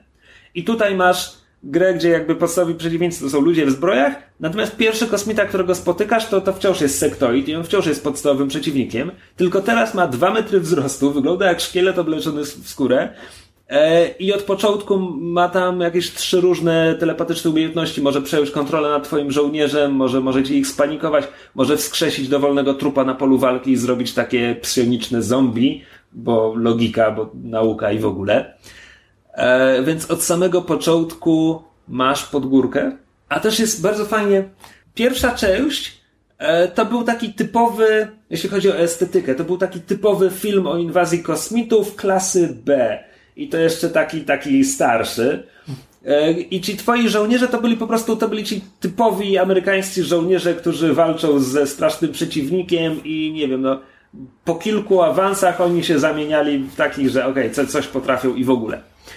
E, Potem był dodatek Enemy Within, który dodawał strasznie dużo różnych opcji, pozwalał ci na przykład cyborgizować swoich żołnierzy. E, I to tak, że oni takimi wielkimi, ciężkimi egzoszkieletami kierowali. E, lub wszczepiać im kosmiczne geny. Na przykład mogli się stawać niewidzialni, albo wskakiwać na dachy budynków, albo robić mnóstwo innych opcji. I jakby razem z tym dodatkiem estetyka gry się kompletnie zmieniła. Nagle kierowałeś oddziałem superbohaterów, którzy bronią Ziemi przed kosmitami. A teraz w dwójce jest jeszcze inaczej, bo tutaj niby to są znowu normalni żołnierze, ale ponieważ to jest po 20-letniej okupacji, więc masz powiedziane, że to są jacyś tam, wiesz, przestępcy, wykolejeńcy i, i w ogóle. I od początku estetyka tego jest trochę bliższa, nie wiem, Expendables czy coś. To jest taki oddział absurdalnie kompetentnych żołnierzy, którzy i też jakby ich specjalne umiejętności są takie, że mają być, mają być po prostu fajni. Bardzo fajni. I na przykład e, klasy żołnierzy są przerobione w stosunku do pierwszej gry. I tak na przykład tutaj masz snajperów, którzy są jednocześnie rewolwerowcami. E, I, i po prostu są takie sobie. Normalnie gra jest w rzucie izometrycznym, ale gra często zmienia perspektywę, jak, jak dzieje się coś fajnego, to wtedy masz zbliżenie na pole walki i tak dalej. No i masz tych snajperów, którzy wiesz, odkłada strzelbę na plecy, wyciąga z kabury rewolwer i, i po prostu z takiej zasadniczo małej pukawki, nie wiem, jak, jak brudny Harry odstrzeliwuje wielkiego kosmita i to po prostu wygląda fajnie. Aczkolwiek to jest wciąż sequel oryginalnego XCOMu i ten silnik potrafi się strasznie zbiesić, bo na przykład te, masz też tę filmową kamerę, kiedy trafiasz na grupę kosmitów, to wtedy oni, wiesz, reagują i pokazują, że są groźni i tak dalej, tylko że gra jest głupia i czasami po prostu potrafi ci pokazywać ścianę stacji paliwo, ten, stacji paliwowej, za którą ścianą, za którą to ścianą jest zły kosmita, który sobie ryczy, tylko go nie widzisz. Tam się dzieje coś ciekawego. Tak, Gdybyś mógł to zobaczyć, to by było naprawdę super. No, więc gram sobie w tego X-Koma drugiego i strasznie mnie to wciąga i zasadniczo w tym momencie jak gram na zmianę w Wiedźmina trzeciego i X-Koma drugiego, to ja nie potrzebuję innych gier, bo to są zasadniczo wszystkie moje potrzeby growe zaspokojone w tych dwóch tytułach. W międzyczasie zastanawiałem się nad kwestią, jaki był najdurniejszy pomysł na walkę w grze. System Okej. walki w grze. I mam odpowiedź, która jest trochę, trochę wykrętem, bo zasadniczo e, każdy system walki wtłoczony na siłę do gry przygodowej, bo one są naprawdę fatalne. Ale mam jeden, który, który wyjątkowo mi się wrył w pamięć i to jest Monkey Combat z Monkey Island pie- 4 Escape Tak. from Monkey Island, który polegał na tym, że Guybrush Threepwood, główny bohater, przedziera się przez dżunglę, gdzie atakują go złe małpy i małpy mają swoją sztukę walki, która zasadniczo to jest papier, kamień, nożyce, tylko że rozbudowana do pięciu figur, gdzie każda z pięciu figur, znaczy mówię figur, chodzi o postawę, którą przyjmuje bohater albo wroga małpa, żeby zastraszyć przeciwnika. I każda postawa pokonuje jedną postawę i jest pokonywana przez inną postawę, tylko żeby zmienić postawę, musisz wydać z siebie małpi skrzek. I to jest jakieś, nie wiem, ik, ik, uk, ok. Powiedzmy złożony, nie wiem, z czterech czy pięciu członów, które nie mają żadnego tłumaczenia. Więc jak zaczynasz to, jak dochodzisz do tego nieszczęsnego etapu w grze, to jest blisko finału, musisz na podstawie prób i błędów przekonać się, który, jeśli dobrze pamiętam, losowo generowany małpi skrzek pokonuje inny losowo generowany małpi skrzek i jest pokonywany, jest pokonywany przez jeszcze inny. I po prostu przebijasz się przez tę dżunglę i, i krzyczysz na te małpy chyba przez trzy godziny. Ale jakby tego było mało, to jeszcze ten system wraca w finale, bo jest finałowa walka, gdzie jesteś w wielkim małpim robocie i walczysz z wielkim leczakiem, który miał chyba własny małpi robot czy coś tam i też musisz używać tych cholernych małpich skrzegów. To są gry, w których w pierwszej części miałeś, miałeś y, szermierkę na, na obrażanie przeciwników i to jest jakby coś, co wszyscy pamiętają z Monkey Island i, i trzy sequele dalej, najlepsze, co ludzie mogli wymyśleć, to okej, a może, może niech gracze uczą się małpich skrzeków, żeby grać w papier, kamień, nożyce. To im się spodoba. Bo przygodówki, elementy walki w przygodówkach to jest coś, co Nigdy nie wychodzą. Dodatkowo nigdy nie wychodzi, ale przecież em, The Order, jaka tam była data? 1886? Coś Możliwe. Em, To jest gra, która jest, która jest głównie strzelanką, tak? To jest typowa strzelanka z, z ukrywaniem się i jest tam już słynna sekwencja, jak się pojawiają wilkołaki. Wszyscy główni bohaterowie w tej alternatywnej wersji wiktoriańskiego Londynu są e, są elementem bractwa, które powiedzmy walczy Rycerzami Okrągłego Stołu. są, tak, są, są spadkobiercami rycerzy Okrągłego Stołu i walczą z, między innymi z wilkołakami. To jest jakby ich główne zadanie. I jakby przez dużą część gry nie, nie widzisz wilkołaków. Jakby walczysz z jakimiś tam zarażonymi ludźmi, szaleńcami jakimiś, więc strzelasz głównie do ludzi i w końcu dochodzi moment, w którym bo tam są prawdziwe wilkołaki, takie wilkołaki z dziada pradziada i są też zarażeni, czyli ludzie, którzy, y, którzy są takimi mieszańcami i te mieszańce to są takie małe wilkołaki. I w pewnym momencie pojawia się se- sekwencja, w której, która jest bardzo, bohater idzie gdzieś tam przez jakieś, jakieś te, jakieś kanały czy coś tam i wie, że gdzieś te wilkołaki są, jakieś cienie, coś słychać i tak dalej, i tak dalej. No i w końcu trafia na, na pomieszczenie, gdzie są kilka tych małych wilkołaków, tych mieszańców. I nagle ta gra przestaje umieć robić strzelankę i nagle dostajemy sekwencję walki, która polega na tym, że stoimy w jakimś pomieszczeniu, wokół są jakieś półki, jakieś w ogóle taki, tak, ciemność. Jest, jest ciemno, nic nie widać, są jakieś ten, półki, schowku tam. na szczotki W jakimś stoisz. takim ten, y, dużym schowku na szczotki i raz na jakiś czas zaczyna na ciebie szarżować ten mały wilkołak, więc wtedy ty do niego strzelasz, ale on się nie zatrzymuje od tego, tylko on po prostu szarżuje dalej, więc w ostatniej chwili musisz odskoczyć, klikając kółko na napadzie. Jeżeli nie odskoczysz, to on się na ciebie rzuca i wtedy dostajesz e, quick time event polegający na tym, że musisz tam naciskać jakiś trójkąt czy coś, żeby go zrzucić z siebie. I jak go zrzucisz albo odskoczysz, e, to on robi takie i ucieka. Ucieka natychmiast, gdzie, gdzieś znika między tymi półkami i ty czekasz, aż on po raz kolejny zacznie na ciebie szarżować. A ich one tam są... I w pewnym momencie, tak, przy którejś szarży go zastrzelisz, bo mi się sk- Czyli skończą to mu się zasadniczo masz symulację korridy. Tak, no to, to, to nie ma w tym żadnych emocji. Jakby pierwsze co robisz, to stajesz gdzieś w rogu, bo to jest najlepsze miejsce do czegoś takiego, bo cię nikt nie zajdzie od tyłu. No i to jest tylko i wyłącznie o, biegnie na mnie, strzelam, od, odskakuje, on ucieka. Jest to niesamowicie irytujące, niesamowicie. Potem są walki, e, jest walka z takim true wilkołakiem. I ludzie narzekają na tą walkę z true wilkołakiem, bo są dwie takie walki w grze. Jedna jest gdzieś w połowie, druga jest pod koniec. I problem e, polega na tym, że one są dokładnie takie same. Są zrobione w identyczny sposób. Wygląda jakby e, przeniesiono jedną walkę po raz drugi. I ta walka polega na quick time eventach, bo to jest... E, więc to nie jest najlepsza walka, jaka może być, bo ta gra zaczyna, znaczy naj- najpierw jest, jest y, ściganie się z tym wilkołakiem, on gdzieś tam, y, gdzieś tam goni bohatera, on gdzieś, bohater gdzieś ucieka, gdzieś się chowa przed nim, ten wilkołak coś go tam krzyczy na niego, no i w końcu następuje walka, która de facto jest serią quick time eventów, sekwencją quick time eventów, które jeżeli coś zrobisz źle, to cofasz się o krok w tej walce i tak dalej. I to owszem jest słabo, słabe, ale jest kinowo efekciarskie takie. W sensie ta cała ta długa sekwencja walki z tym wilkołakiem ma... Okej, to jest interaktywny film w tym momencie. Tak, tak bardzo interaktywny film jak tylko się da, ale przynajmniej ładnie wygląda. I, i jest efektowne i, i tam, nie wiem, przebijają jakiś sufit y, walcząc, więc, czy tam podłogę, wpadają do... No coś tam się dzieje. Ale ta walka z tymi małymi wilkołakami, to ta, ta sekwencja się też pojawia dwa albo trzy razy w grze i to jest... Ta gra w tym momencie tak bardzo... jak- Jakby twórcy na tą jedną scenę przestali, potra przestali potrafić robić strzelankę, a mimo wszystko ta gra jest w miarę kompetentną strzelanką przez całą resztę. Yy, Nie wiem jak do tego doszło, więc... Ale to mi przypomina sekwencję z Vampire The Masquerade Bloodlines, gdzie te, w całej grze jest jeden wilkołak, który, i to jest sekwencja, to, to nie jest walka mechaniczna, w sensie jeśli do niego podejdziesz, on cię zabija, jesteś na jakimś wzgórzu, tam jest obserwatorium astronomiczne i musisz zwabić wilkołaka, żeby za tobą wszedł do kopuły głównej tego e, obserwatorium i kiedy będzie przeciskał się przez tę szparę w dachu, przez którą wystaje teleskop, wtedy musisz zamknąć kopułę, żeby go tam zmiażdżyło. Problem w tym, że to jest Vampire The Masquerade Bloodlines, gra słynna z tego, ile miała błędów, bugów i tak dalej. Tam po prostu możesz się, uciekając przed tym wilkołakiem, możesz się zaciąć na każdym źdźble trawy. Więc kiedy ostatni raz to grałem, to po prostu wpisałem kod na przechodzenie przez ściany, bo to był jedyny sposób, żeby, żeby to obejść.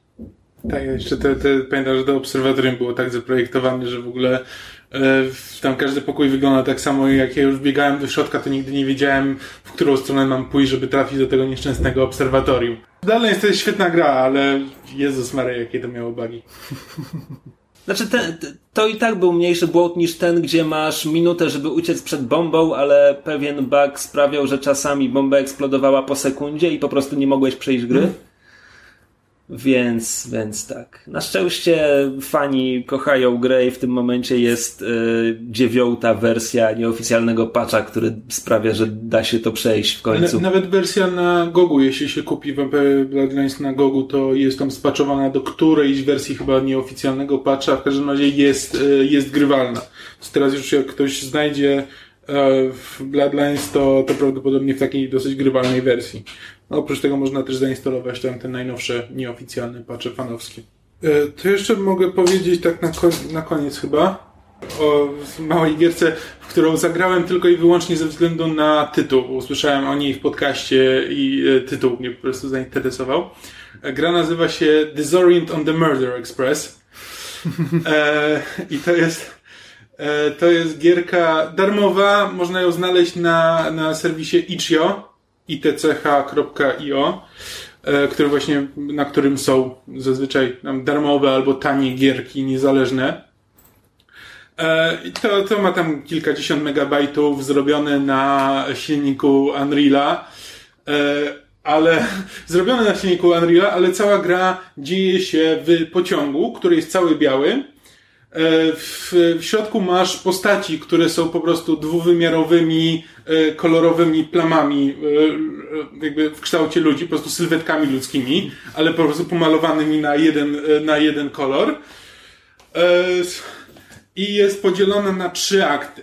Znaczy, w pierwszym akcie jakby dowiadujesz się, że twój bohater jest jest alkoholikiem e, i jest na tym, e, na tym Murder Expressie e, i stoi przy barze i masz, masz w ręku drinka.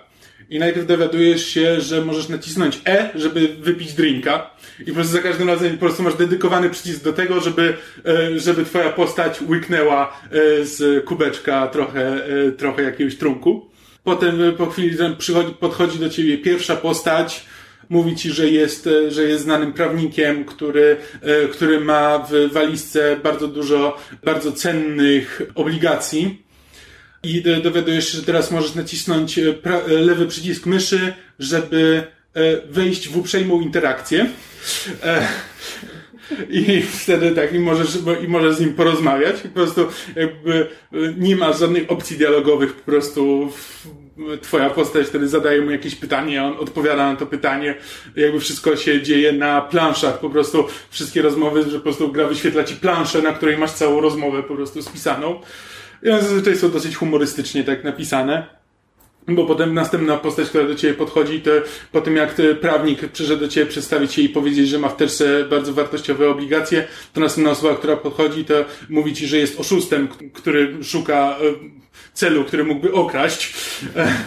A nie po... przypadkiem kogoś? Tak, dokładnie. A potem przychodzi, a potem przychodzi bogata dama, która jest po prostu e, absolutnie e, odrzucona tym, e, jaki element snuje się po tym pociągu. I potem zaczyna się drugi akt, a jeszcze po drodze jest barman, tak, z którym możesz też porozmawiać. A drugi akt to w, dochodzi do morderstwa. Prawnik, prawnik zostaje zabity I możesz teraz zacząć chodzić po pociągu i zbierać wskazówki. Znaczy podchodzisz do trupa, klikasz na trupa i dostajesz informacje o tym, jak wygląda ten trup i co się, e, w jakiej pozycji leży i co jest, co jest obok. I tam znajdujesz, znajdujesz różne wskazówki typu liścik napisany przez, e, przez tego konmena do, przez tego oszusta do, do, do tej bogatej damy. Znajdujesz różne, różne poszlaki no i jak już jesteś e, przekonany, że znalazłeś wszystkie poszlaki i porozmawiałeś już z każdym, kto się da i masz już wszelkie możliwe informacje, to podchodzisz do kominka, który tam się na tym pociągu, e, w tym pociągu znajduje. E, to jest i... metadowcip, kiedy wszyscy zaczęliśmy myśleć o blogerze kominku, czy... Jest to tak samo prawdopodobne, że Tomek by był na tym, w tym pociągu, jak to, że jest tam tak, po podpalony prostu. kominek zgodnie z tradycją wszelkich kryminałów, jakby podchodzisz do kominka i zbierasz wokół siebie wszystkich, e, wszystkich bohaterów, łącznie z trupem. E, e, I w trzecim akcie e, łączysz fakty, to znaczy możesz wskazać postać i na przykład poszlakę i wtedy twoja postać mówi, jaką, e, jaką wydedukowała, jakie jest połączenie z tym. I, no i, i w ten sposób jakby łączysz fakty jeśli jesteś przekonany, że połączyłeś wszystkie fakty, to, e, to jeszcze raz klikasz na kominku po to, żeby twoja e, postać mogła powiedzieć, do jakich wniosków doszła. No jeśli, jeśli połączyłeś wszystkie, wszystkie fakty ze sobą, to dojdzie do właściwych wniosków, jeśli nie, to dojdzie do, e, to dojdzie do złych wniosków. E, I to wszystko zajmuje, nie wiem, no pół godziny może. E, To jest po prostu taka gierka i wszystko jest po prostu kompletnie absurdalne, e, ale, ale jest, ale naprawdę fajnie napisane, fajnie przedstawione. Po prostu jak ktoś lubi kryminały i po prostu chce się trochę pośmiać z takich klisz kryminałowych, to, to, to jest przyjemna gierka do, do odpalenia sobie, a przy tym jest za darmo, więc, więc nie ma żadnych, żadnych przeszkód, żeby w nią nie zagrać. I nazywa się... Disorient on the Murder Express. Oczywiście. To chyba tyle w tym odcinku. Podobnie będzie następny odcinek. Gorące krzesła powrócą. Gorętszy niż kiedykolwiek. Więc to tyle od nas. Y, I y, ten odcinek ukazał się- jeszcze prawdopodobnie w ramach Myszmasza, tak? Tak będzie? Dobrze Pewnie dobrze mówię? tak. tak? Tak. Ale jeżeli Was to interesuje, to kolejne odcinki będą już na osobnym kanale, na osobnej stronie i na osobnym iTunesie, więc jeżeli będziecie chcieli subskrybować tylko ten podcast, to będzie taka opcja, ale na razie jeszcze tego nie ma, więc musicie śledzić e, nasze miejsca i czekać na informacje, kiedy pojawi się strona i kiedy będzie można subskrybować tylko podcast nasz, który się nazywa... No jak się nazywa nasz podcast? Przed chwilą to wymyśliliśmy. Ym, Przed chwilą to najlepsze zagranie? Nie. Czekaj, to jest ta druga. Na, y, to jest podcast y, Audiolog? Nie. Jak się nazywa? Jak, jak w końcu go nazwaliśmy? To jest. Naprawdę w tym momencie przestałem o tym myśleć. Okej, bo myślałem, że się nabijasz do Nie, naprawdę. Znaczy, tak. Słuchacie podcastu Gorące Krzesła. Gorące krzesła, tak. Tak, rzeczywiście. E, nie, wypadło mi to, naprawdę. Naprawdę. Więc, więc no, czekajcie na informacje o podcaście i podajcie na stronę myszmasza, myszmasz.pl i na moją stronę opydo.pl i tam y, są rzeczy. Tak, i będą też informacje. E, do zobaczenia. Na razie. Cześć.